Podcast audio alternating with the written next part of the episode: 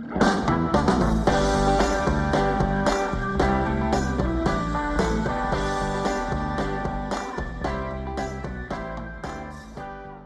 allihopa och välkomna till avsnitt 3 av Skådispodden. Jag heter Mina Och jag heter Signe. och det här, för er som inte har lyssnat på de två första avsnitten, skäms på er, så är det här en podd om underhållningsindustrin och lite livet som, som skådespelare, kan man säga.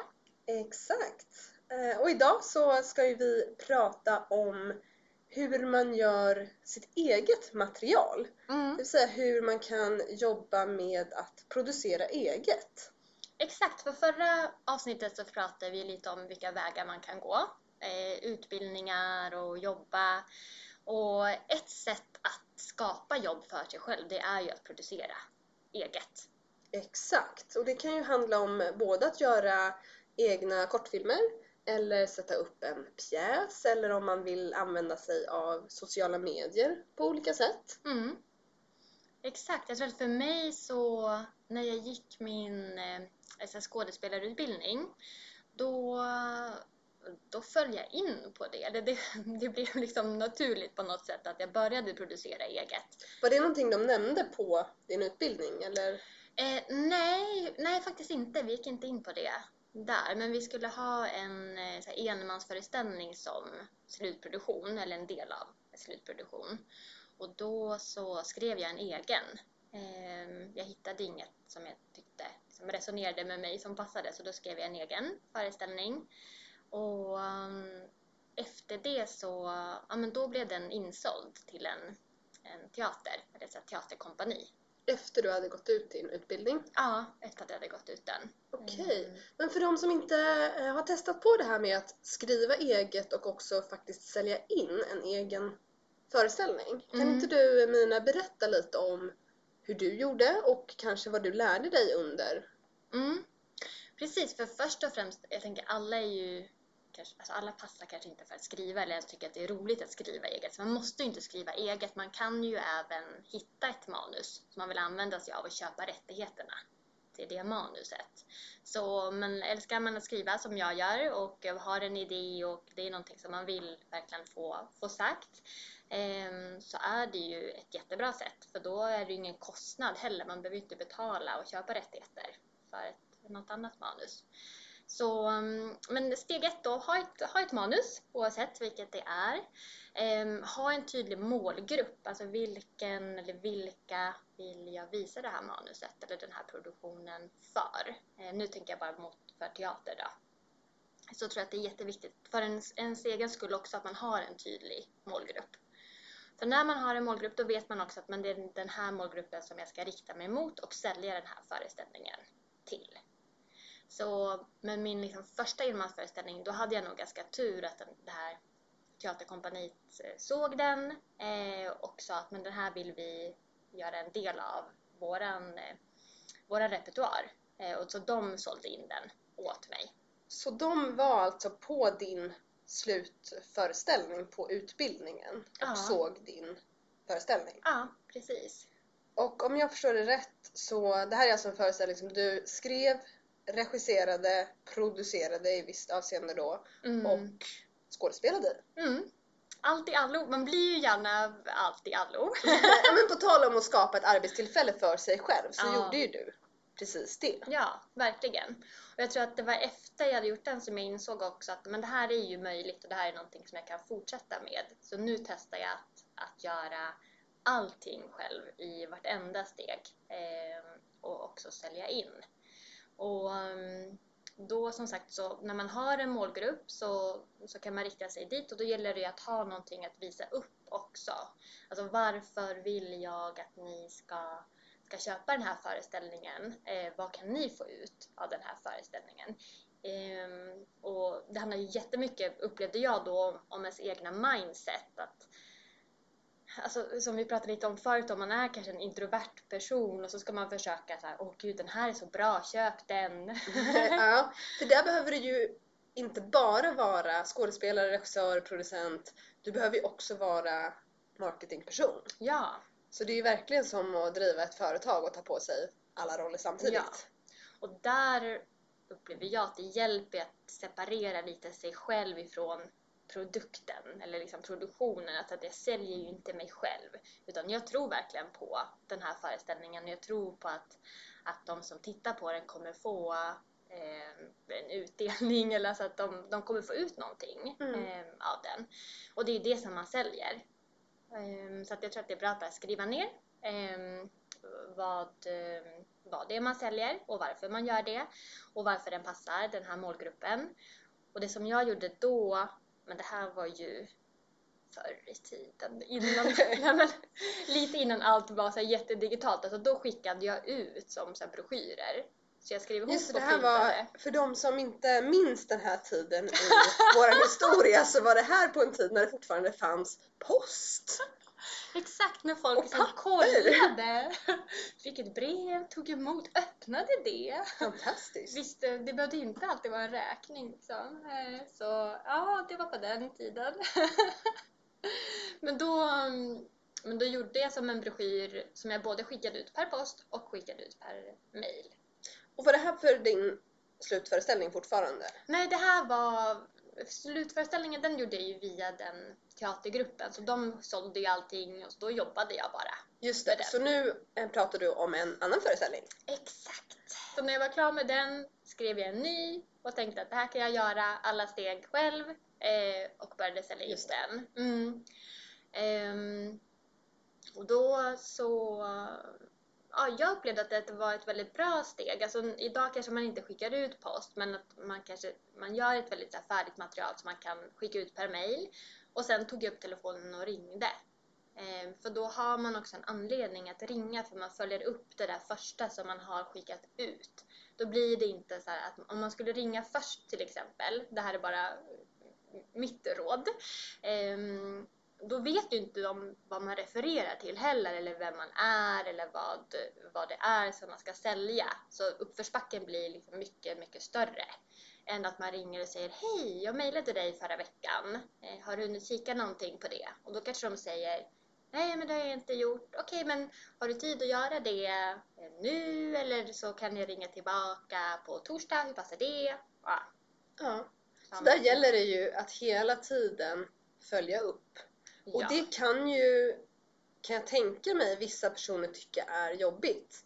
Att Mm. behöva någonstans tjata, om man kan använda det uttrycket, om att eh, personer ska tro på ens produkt. Ja. Men där tror jag att det är jättevärdefullt som du sa, framförallt när man har skrivit någonting själv eh, och man har lagt ner mycket tid och hjärta i det, att som sagt lära sig att skilja på produkten och dig som enskild individ. Mm. För att om det är så att en organisation till exempel skulle tacka nej så är ju inte det dig, mina, de tackar nej till utan det är ju produkten, att den inte passar. Mm. Eh, Och vanligtvis kanske de inte heller ens har läst ett helt manus utan de tackar nej till konceptet och till idén för att det Mm. inte passar.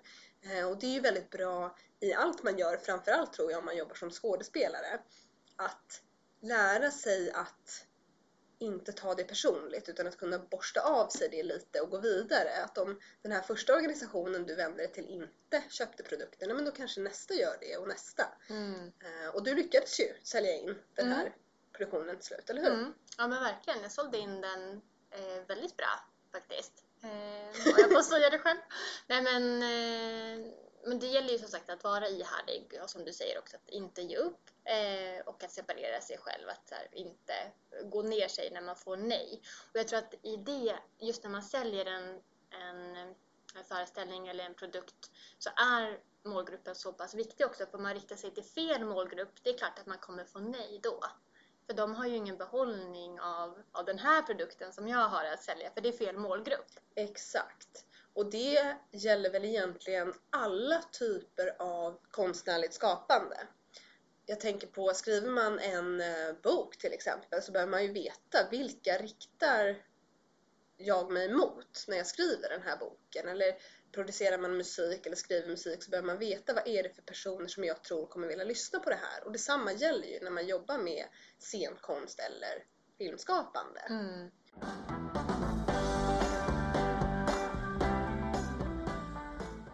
Men när du då hade lyckats sälja in den här produktionen, Tog du hjälp av några kulturstöd för att liksom ekonomiskt finansiera det här eller hur gjorde du då? Um, nej, det gjorde jag faktiskt inte. Inte med de här produktionerna. Den som jag sålde in själv, den sålde jag in till eh, Svenska kyrkan. Um, och de har ju ofta, eller många gånger kanske en annan budget till exempel än vad skolor har. Så när man ska rikta sig till skolor skulle jag säga att då antingen behöver man dra ner liksom, priset på föreställningen, de ska ha råd att köpa in den. Eller så behöver man ha någon form av statligt stöd så att den blir subventionerad. Ehm, så att liksom, Och vad betyder det för de som inte... Ja men det betyder att, att eh, säg att du säljer en föreställning för 20 000 men skolan betalar 10 000 och staten betalar 10 000. Just det. Ehm, så ett kulturstöd för att skolor ska ha råd att eh, ta del av kultur. Och det är ju också en typ av scenkonststöd Mm, som man kan söka då. exakt, så man kan söka här projektstöd, att man söker eh, stöd för det här projektet. Till exempel att jag skulle söka då för den här enskilda föreställningen. Eller så kan man söka verksamhetsstöd och då kan man få stöd under en period på till exempel tre år. Ehm, För att driva någon form av konstnärlig verksamhet. Precis. Ehm, Men då måste man ju också visa att man har hållit på länge och man har gjort liksom flera produktioner tidigare. Så det är egentligen verksamhetsstöd kan man inte söka i början skulle jag säga. Men då är det bättre att söka projektstöd. Just det. Mm. Så det finns det. Det finns ju jättemycket olika och beroende på vart man bor så söker man liksom scenkonststöd för liksom Stockholmsregion eller för Halland eller vart man nu än befinner sig. Och det är ju en sak som kan vara väldigt bra att känna till för det finns ju eh, många olika typer av stöd som man kan söka från hela landet. Eh, men någonting som jag tror att det är många som kanske inte känner till det är att man, om man nu till exempel inte bor i Stockholm, så kan man söka stöd från sin egen hemstad i vissa fall, Mm. eller sin egen region. Ehm, Jag har ju sökt, eh, som sagt, när jag har gjort egna produktioner så har jag sökt i Stockholm. Eh, Och jag har ju gjort både film och teater. Eh, Men när det gäller min första teaterföreställning som jag gjorde så var ju det lite, som du nämnde så kan man ju antingen skriva en egen pjäs Mm. eh, om man har liksom en egen story som man vill berätta.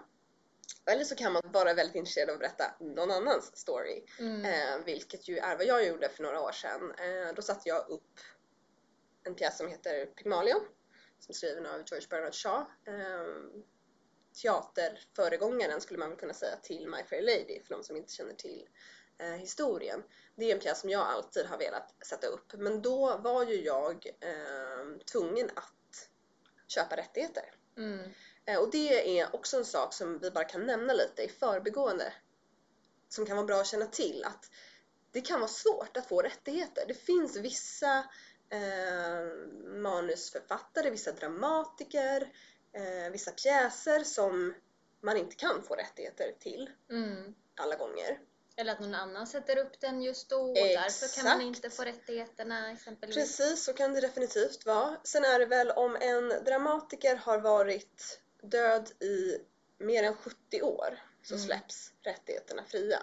Jag tror att vi var någonstans på 69 år när vi skulle sätta upp eh, eh, Pygmalion men eh, vi fick rättigheterna och fick då betala för dem så det är ju en, en utgift då som man gör men det är rättigheter kan man söka via ATR Amatörteaterns riksförbund. Mm. Exakt. Eh, superhjälpsamma och tillmötesgående. De vill ju också främja scenkonst. Eh, men då behöver man ju också, precis som när man sätter upp en egen föreställning, lite ta på sig alla hattar. Utom just då manusförfattare. Mm. var ju inte en hatt jag tog på mig. Däremot så eh, hade vi ett manus som vi reviderade en del. Vi ville göra en version som utspelade sig på Södermalm. Ja. Eh, där dialogen var på söderslang i stor utsträckning. Så där fick vi jobba mycket med manuset, jag och min eh, regissör. Jag tog då inte på mig rollen som regissör heller. Eh, jag ville producera och jag ville framförallt spela huvudrollen. Det här var ju verkligen ett sätt för mig att skapa ett eget arbetstillfälle för att jag hade drömt om att få spela den här rollen som Eliza då som är huvudkaraktären. Så det var ju därför egentligen jag satte upp den. Ja. för att ge mig själv möjligheten att få spela den här rollen som jag hade drömt om. Och så hade jag en fantastisk regissör som heter Alexandra Vangård som eh, var min högra hand i hela processen. Mm. Eh, men då fick ju vi hyra in oss på en teater eh, och eh, vi rollsatte själva liksom, höll i auditions och rollsatte alla roller. Det är en, ändå en relativt stor ensemble. Vi hyrde en teater där vi satte upp den, vi byggde all scenografi, det vi inte köpte. Vi liksom köpte in kostymer och så vidare. Så det var ju verkligen, liksom, man fick vara allt från kostymör till ja, producent i mitt fall då och sådär. Ehm, men då så eh, tittade vi också på en del stöd att Mm. söka.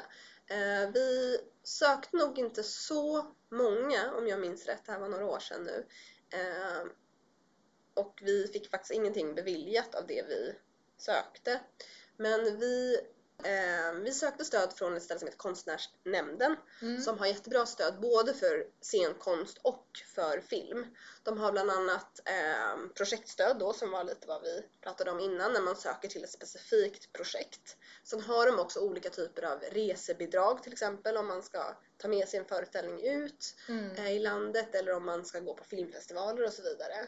Så de har jättebra och fina stöd. Eh, men det kan ju vara värt att nämna att det kan vara rätt svårt att få stöd beviljat. Det är stor konkurrens. Gud ja, det är det. Det tar ju mycket tid att skriva de där, alltså fylla i alla de där blanketterna. Exakt. Herregud. Det är ingenting man gör så i en handvändning innan det ska in. Nej, Så det, nu låter det som att det är liksom jättenegativt att söka stöd, men det är det inte. Men det är, man ska nog vara medveten om att men jag behöver avsätta ganska mycket tid för att verkligen fundera på alla de här frågorna. absolut. Och framförallt kanske ta det på stort allvar. Ja, För att de flesta som gör ett eget projekt har verkligen någonting viktigt att säga. Vare sig man har skrivit det själv eller eh, om man sätter upp en föreställning som redan finns i något avseende. Men det är ganska omfattande ansökningar beroende på vilket stöd du söker. Mm. Eh, och jag skulle säga, sätt er ner tillsammans om ni är en grupp eller en ensemble eller som i mitt fall jag och Alexandra, min regissör.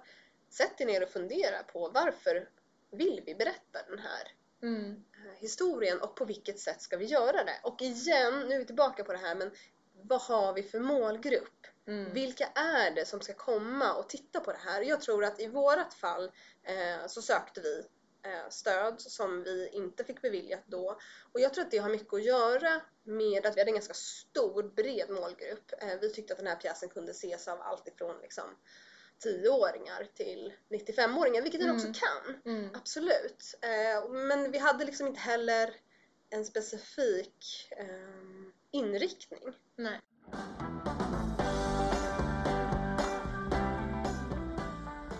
Jag är väldigt glad över att vi inte försökte göra om det här på något sätt bara för att få stöd. Utan vi hade den storyn vi ville berätta, vi ville berätta den på vårat sätt. Och sen hade vi turen, ehm, och det här är också ett sätt att finansiera en eh, scenkonstproduktion, det är att jag med mitt produktionsbolag som jag har finansierade produktionen själv. Mm. Och sen så drog vi in alla de kostnaderna via biljettintäkter. Mm. Det är ju fantastiskt. Kan du göra det? Jätte, jättefantastiskt. Jag är så tacksam över att vi sålde slut, ja, sålde i princip slut alla föreställningar. Mm. Vilket var ehm, jättetacksamt för då kunde vi faktiskt få in det här och då kunde vi också, som är rätt vanligt, att man kunde, ehm, det överskottet vi fick kunde vi sen dela på. Mm. För att alla som arbetade med den här produktionen arbetade ideellt. Eh, Med sin tid och sitt engagemang och sin passion, vilket jag än idag är så tacksam för. Det här var en sån fantastisk upplevelse eh, och framförallt de här människorna som var med i den här föreställningen. Mm. Men vi hade turen att vi fick ett ekonomiskt överskott för att vi sålde så mycket biljetter. Ja. Ett, ett litet ekonomiskt överskott. Men ändå. Men ändå som vi kunde dela på eh, lika såklart. Ja. Men så det är ju ett sätt att får man inte finansiellt stöd så kan man ju satsa på att jobba väldigt hårt med marketing ja. så att man faktiskt får in publik som kommer och tittar. Mm. För då kanske man, om man har tur, kan få lite ekonomisk kompensation Ja, det den är ju vägen. möjligt. Jag tänker säga att alltså, oavsett om man eh, säljer in alltså, till skolor eller det, man kan sälja in till företag och så också, föreställningar, eller om man spelar och, och hyr in sig på en teater så, så jobbar man ju alltid liksom, gratis i början. Mm. Alltså hela den perioden då man kanske skriver manus eller eh, repeterar och eh, hela produktionsperioden i princip så jobbar man ju gratis.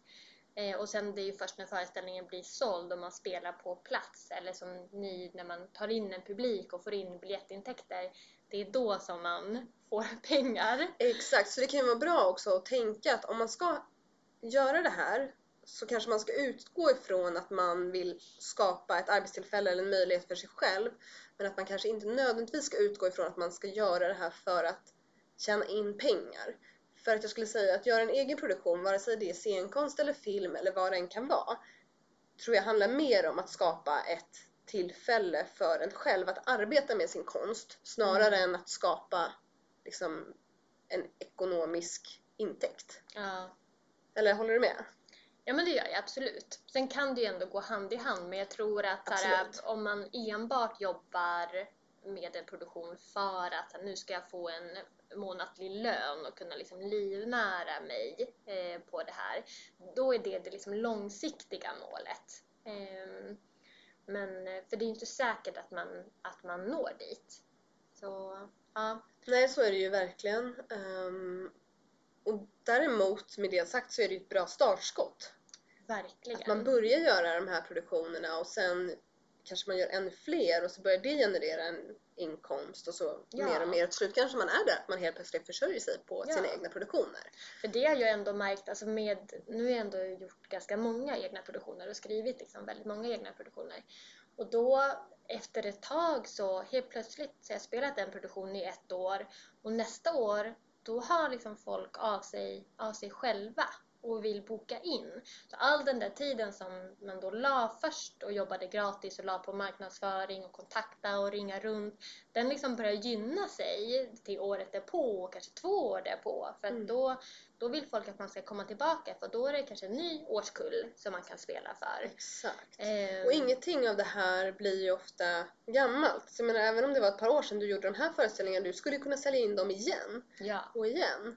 Ehm, så det är ju inte en engångsföreteelse nödvändigtvis beroende på vad man gör för typ av produktion såklart. mm. Ehm, Sen tänker jag bara ett annat eh, tips innan vi liksom rundar av hela liksom teaterproduktion. Ja. Det är att också ta hjälp av, alltså när man har sin, sin inriktning och sin tydliga målgrupp så kan man också ta hjälp av eh, organisationer eller bara personer som kanske jobbar mot den inriktningen eller mot den målgruppen. Ehm, som till exempel jag hade en föreställning som handlar om eh, suicidprevention. Och då kan, finns det ju många organisationer som redan jobbar mot det, eller för det.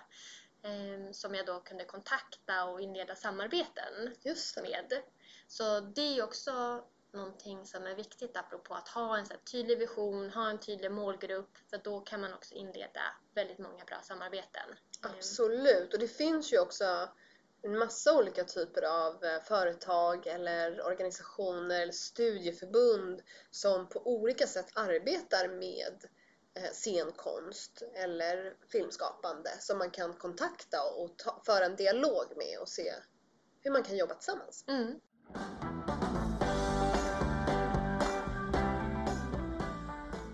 Om vi ska hoppa vidare på film då, Mm, så är det precis. ju många som är intresserade av att göra sina egna filmer. Ja, det har ju jag aldrig gjort. Alltså jag vet inte ens om jag skulle våga gå in i det. För mig känns det så här, så här, filmvärlden och producera en film känns så här, helt oändligt stort. Det, det, jag tror att det, okay, det blir då lärdom nummer ett. Det kan vara, det behöver inte vara, men det kan vara väldigt mycket större än vad man tror. Mm. Det ska tilläggas att det finns ju personer som har börjat med att göra en liksom, kortfilm med sin mobil som har blivit hur bra som helst och som man sen har kunnat sälja in på olika sätt och så. Ja. Men man kan också göra som eh, jag och eh, min kollega Amanda som valde att göra någonting större. Ja. Eh, vi, jag och Amanda skrev en kortfilm. Eller har skrivit under ett par år faktiskt en kortfilm som igen liksom föddes ur en idé att berätta vår egen historia. Eller en Mm. historia som vi brinner mycket för. Eh, Så jag och Amanda började på olika håll, helt utan konversation med varandra, skriva filmmanus om psykisk ohälsa. Mm. Och i en konversation som vi sen hade då så visade det sig att vi båda satt på varsitt manus. Men gud vad roligt. Jätteroligt, med ungefär samma historia. Eh, Och som vi då började prata om att vi kanske skulle slå ihop till en och samma film. Så under en period så när Amanda, eh, hon är bosatt i London, Mm. så hon satt i London och skrev och jag satt i Stockholm och skrev eh, i sådana här online-dokument. Eh, det finns manusprogram för det. Mm. Så satt vi på varsin sida och skrev i samma liksom, dokument och reviderade och jobbade tillsammans med att ta fram ett manus som slutligen blev en film som eh, heter Penumbra som vi filmade i höstas. En kortfilm. Eh, och där hamnade vi ju igen då. Nu var vi två personer vilket jag är väldigt tacksam över för det var väldigt mycket jobb. Mm. Eh, och där hamnade vi i att vi var manusförfattare, vi skulle vara regissörer, vi skulle naturligtvis då, både jag och Amanda är skådespelare så vi skulle naturligtvis vara huvudrollerna båda två. Ja, det är det bästa. Att jag tror jag skriver en huvudroll till mig Till själv. mig själv! Eh, det var helt underbart. Eh, men det, och på det ska man också vara liksom eh, den som organiserar all utrustning och den som är set designer och costume designer och Mm. eh, ja, det ena med det femte. Eh, och vi hade en vision om att vi ville i den här produktionen bara arbeta med folk som identifierade sig som kvinnor eller icke-binära. Vi eh, jobbade alltså inte med några cis-män. Eh, och då fick vi ihop ett fantastiskt crew och cast av bara eh, kvinnor i det här fallet. Och började sen arbeta på det här tillsammans. Då blir det ju, när man väl får in ett crew och ett cast så blir det ju liksom en collaborative project. Mm. Mm, nu känner jag mig löjlig. Kan inte, kan inte prata på kan inte prata här på, på svenska. Eh, nej men det blir liksom, då blir det ju ett samarbete tillsammans och det är ju eh, då man hamnar i det här att folk börjar arbeta eh, igen, ideellt, i första steget Mm. för att berätta den här historien. Mm. Eh, och vi sökte igen en massa stöd. Eh, satt hur många månader som helst med olika typer av stöd. Söker fortfarande stöd faktiskt. För det här är en, en eh, film som vi som sagt spelade in i höstas och som just nu är i klippningsfasen. Men man kan faktiskt, det finns filmstöd som man kan söka retroaktivt. Ja. Eh, Så det kan vara bra att känna till också. Mm. Men vi sökte naturligtvis också projektbidrag för att kunna eh, berätta den här historien. Och fick jättefin respons på våra ansökningar men inget stöd beviljat än då. Eh, men då kikade vi bland annat på eh, några stora stöd som finns som är ehm, Dels så har eh, Filmbasen som jag nu kanske tror heter Film Stockholm men de har i alla fall olika typer av finansiella stöd. Och sen så har Filminstitutet en av de stora mm aktörerna när det gäller stöd till filmskapare. De har jättemånga olika typer av stöd. Både för eh, lång spelfilm, de har för dokumentärfilm, för kortfilm eh, och så vidare. Eh, så dit vänder vi oss och det är långa, eh, avancerade ansökningar. Vi gjorde ett helt liksom, kompendium med eh, allt ifrån regivision, synopsis, budgetkalkyl eh, Eh, och så vidare. Som tur är Amanda väldigt bra på det här med budget som, som jag inte är, det är inte min styrka. Eh, men så så gjorde vi i alla fall. Eh, och sen vände vi oss också till andra föreningar för att få olika typer av assistans. Vi hyrde till exempel, eller hyrde gjorde vi inte, vi lånade utrustning bland annat från ett ställe som heter Black Sheep som är, eller har varit en ungdomsförening och som var helt underbara och lånade ut filmutrustning till oss Mm. som de har. Och sen så hyrde vi in en massa utrustning från olika företag.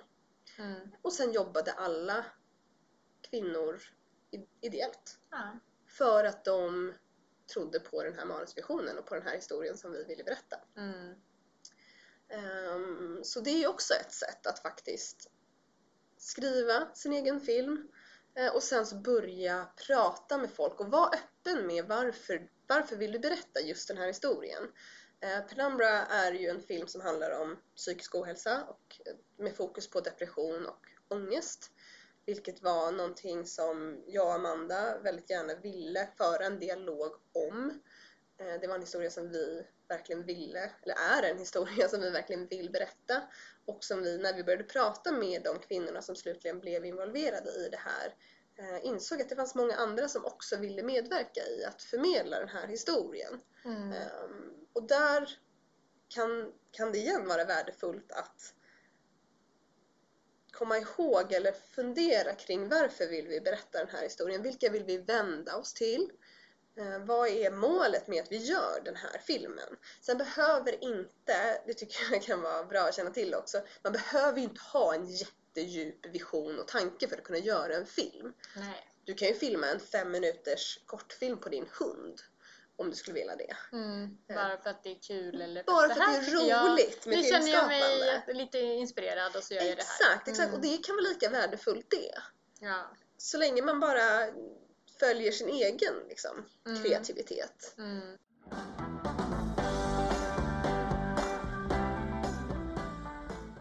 Men det gäller ju också att, som du säger, att hitta så likasinnade som kan tänka sig att jobba med projektet. Jag tänker att så här, teaterprojekt kan man ju ändå ro i land helt själv om man vill Exakt. det. Men en filmproduktion så blir det ju betydligt svårare Det blir det, det verkligen för att om du ska göra en filmproduktion själv då behöver du ha någon form av kompetens inom alla områden. Ja. Eh, vilket det, det, är inte all, det finns de som har det vilket är fantastiskt om man, om man har det verkligen och man kan göra liksom alla de här delarna själv. Men det som jag och Amanda gjorde, vi var då eh, producenter, manusförfattare, skådespelare och sen alla de här små rollerna som sagt som kostymör, set designer, mm. uh, you name it. Men vi hade ju personer med um, nischad kompetens inom de mer tekniska områdena. Alla, alla saker som vi behövde någon annan kompetens inom som jag och Amanda inte besatt mm. tog vi ju in folk mm. som kunde jobba med. Ja. Vilket är så värdefullt för det är mycket av det jobbet de gjorde som jag och Amanda absolut inte hade kunnat göra. Nej. Och jag tänker alltså där, alltså för de som kanske inte har de kontakterna eller att man står där men jag har den här väldigt tydliga idén men vet inte alls hur jag ska börja så kan ju en sak vara att kontakta filmskolor för där, där är det ju ändå personer som, som vill jobba som filmfotografer och regissörer och är under, under utbildning och gärna tar sig an kanske den här typen av, av projekt för att samla på sig mer erfarenhet och också kunna visa upp det. Men jag har regisserat den här kortfilmen. Absolut, och det tänker jag är superbra också att, att uh, tänka på när man börjar jobba med de här filmproduktionerna. Att vänd dig till folk som är nya, mm. som vill ha erfarenhet. Precis. Inte för att man på något vis ska utnyttja arbetskraft hos folk som är nybörjare i branschen, men för att det finns en vilja att berätta fler historier. Mm. Har man jobbat väldigt, väldigt länge inom en bransch då kanske man har hunnit nischa sig mot vissa saker eller man har redan ett nätverk. Många jobbar kanske redan heltid med betalda uppdrag och har inte möjlighet att jobba med eh, lågbudget eller ofinansierade projekt som man kanske har om man är ny i branschen. Mm. Men var också då transparent med att det här är en lågbudgetproduktion eller det här är ett ideellt ofinansierat projekt. Mm. Så att den man tar in kan ta ställning till att det är så det ligger till. För det tror jag att det är väldigt många som är rädda för att göra lågbudgetproduktioner eller till och med ideella produktioner för att man skäms över att inte kunna betala ut lön mm. till de som arbetar. Och det kan jag relatera till jättemycket. Personer som är med och skapar ens projekt vill man ju betala allt. Ja. Men det är, tyvärr är det inte alla som har möjlighet att göra det och framförallt inte i början. Så då tänker jag att man, där får man föra en dialog med de man arbetar med och se varför vill du vara med på det här? Vad kan jag göra för dig? Kan jag hjälpa till i ett annat projekt som du jobbar med? Och så vidare så att man för den konversationen. Mm. För ett annat sätt att bygga kontakter om man nu har en produktion man vill göra. Det är ju att vända sig till olika typer av Facebookgrupper till exempel. Ja, precis. Det finns ju så otroligt många grupper idag och där folk skriver dagligen och söker efter Exakt, personer. och man söker efter Mm. liksom, personer som ska jobba med det ena med det femte. Man kan ju också, det finns ju hemsidor som ehm, publicerar annonser där man kan söka efter filmcrew till exempel Mm. eh, och så vidare. Så det kan man också använda sig av om man inte redan har ett kontaktnätverk. Mm. Men jag skulle säga att framförallt sociala medier numera är ett Ja. fantastiskt sätt att nå folk. Du kan ju leta på Instagram. Sök på en hashtag eh, filmfotograf Mm. så får du upp en massa personer som jobbar med det. Mm. Ehm, så att, ja. Och på tal om det, sociala medier har ju också blivit ett annat sätt att marknadsföra sig själv. Mm, verkligen, och som är så enkelt också. Man filmar någonting, laddar upp det eh, och sen så, så finns det där. Ja, nu när många personer har smartphones Ja, med eh, ganska högkvalitativa kameror mm, precis. och en sociala medie-app i sin telefon så Gud, till och med min son, han är ju sju och ett halvt, han sitter och kollar på massa barn på Youtube och sådär och har ju verkligen en bild nu det av lät ju att- jättesuspekt att vi skulle kolla på massa barn på Youtube. Perfekt! Nej men alltså det är så många som har så egna kanaler fast de är, är barn och de har, Absolut! han kollar på någon idag som, de har liksom så här 20 miljoner följare. Ja, och just Youtube är verkligen ett sätt att nå ut till liksom en stor världspublik. Ja, så nu tror ju, han har ju en, en väldigt tydlig bild nu av att om man är på Youtube och har eh, likes och eh, följare då blir man också automatiskt rik. Jaha, Ja. spännande! Ja, det är... Så, och det är En målbild att ha. Ja.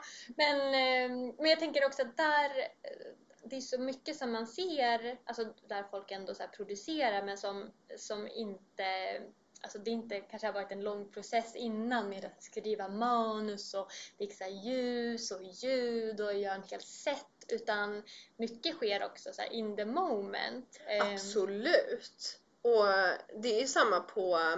Nu är inte jag en TikTok-användare. Faktiskt aldrig ens varit inne på TikTok Nej. så nu låter jag ju som att jag är hundra år gammal för att jag inte använder TikTok. Eh, kanske jag är också. Eh, Men det är ju också ett sånt där, eh, en sån plattform för att lägga upp snabba små klipp. Sen finns det ju Mm. de som har liksom en jätte research del i sitt TikTokande som övar in koreografier i månader och så vidare. mm. Men det går ju också att använda TikTok lite som folk i vår generation använder Twitter. Att man liksom matar ut material för att skapa sig någon form av följarbas. Mm. Och det kan man ju också eh, tänka att har man en Youtube-kanal eller en eh, TikTok-profil eller en Instagram-profil för den delen som har mycket följare så är det också ett sätt att skulle man sen göra en teaterföreställning eller en film eller någonting så har man ju en följarbas som med Mm. största sannolikhet kommer att visa intresse i den produktionen du gör. Mm. Så det finns ju absolut ett värde i att marknadsföra sig själv på sociala medier. Mm. Alltså jag har nog lagt upp mycket sketcher och sånt på Youtube men då har det varit väldigt alltså pretentiöst Alltså det har verkligen varit så här, nu skriver vi manus och nu har vi ett helt filmcrew och nu gör vi det här och det ska ha bra ljud och ljus och alltså du vet man har verkligen gjort det här, nu producerar vi en sketch. Ja, och där tror jag man blir lite arbetsskadad också när man har jobbat på det sätt som du och jag har gjort. Ja. Att man har svårt att bara slänga upp en monolog man gör hemma i sitt vardagsrum för att man blir väldigt medveten om vad det är för ljussättning eller eh, vad det faktiskt är man säger, att det blir Gud ja. något helt annat. Mm. Eh, men det är ju som sagt det är ett bra sätt att marknadsföra Ja, sig själv, definitivt. absolut. Och också om det inte är så att man bryr sig jättemycket om huruvida andra tittar eller inte så är det också ett bra sätt att hålla igång sitt instrument. Mm, ja, för då vet man att nu har jag den här kanalen så nu måste jag producera och släppa material minst en gång i veckan till exempel. Exakt. Ehm, men sen beror det helt på vad man vill ha för inriktning. Alltså det är det också. Vad, vad brinner jag för att göra? Det är väl det man ska ställa sig, alltså den frågan man ska ställa sig först. Om man är det teater, är det skrivande eller är det liksom teaterproduktioner? Eller vill jag skapa film? Eller vill jag eh, skriva en tv-serie och pitcha in den? Eller brinner jag för komik och humor och vill göra snabba sketcher? Eller bara marknadsföra mig själv, jag vill bara vara mig själv. Ehm, så Och det, finns ju de som gör som inte är det finns ju, just när det gäller sociala medieplattformar så är det väldigt många som absolut inte är skådespelare eller har någon Ja. ambition om att vara det som bara tycker att det är roligt att stå framför kameran. Mm. Eh, och det är ju jättevärdefullt det också. Tyst, jag blir tyst nu. Jag blev väldigt tyst för du är så pretentiös skådespelare.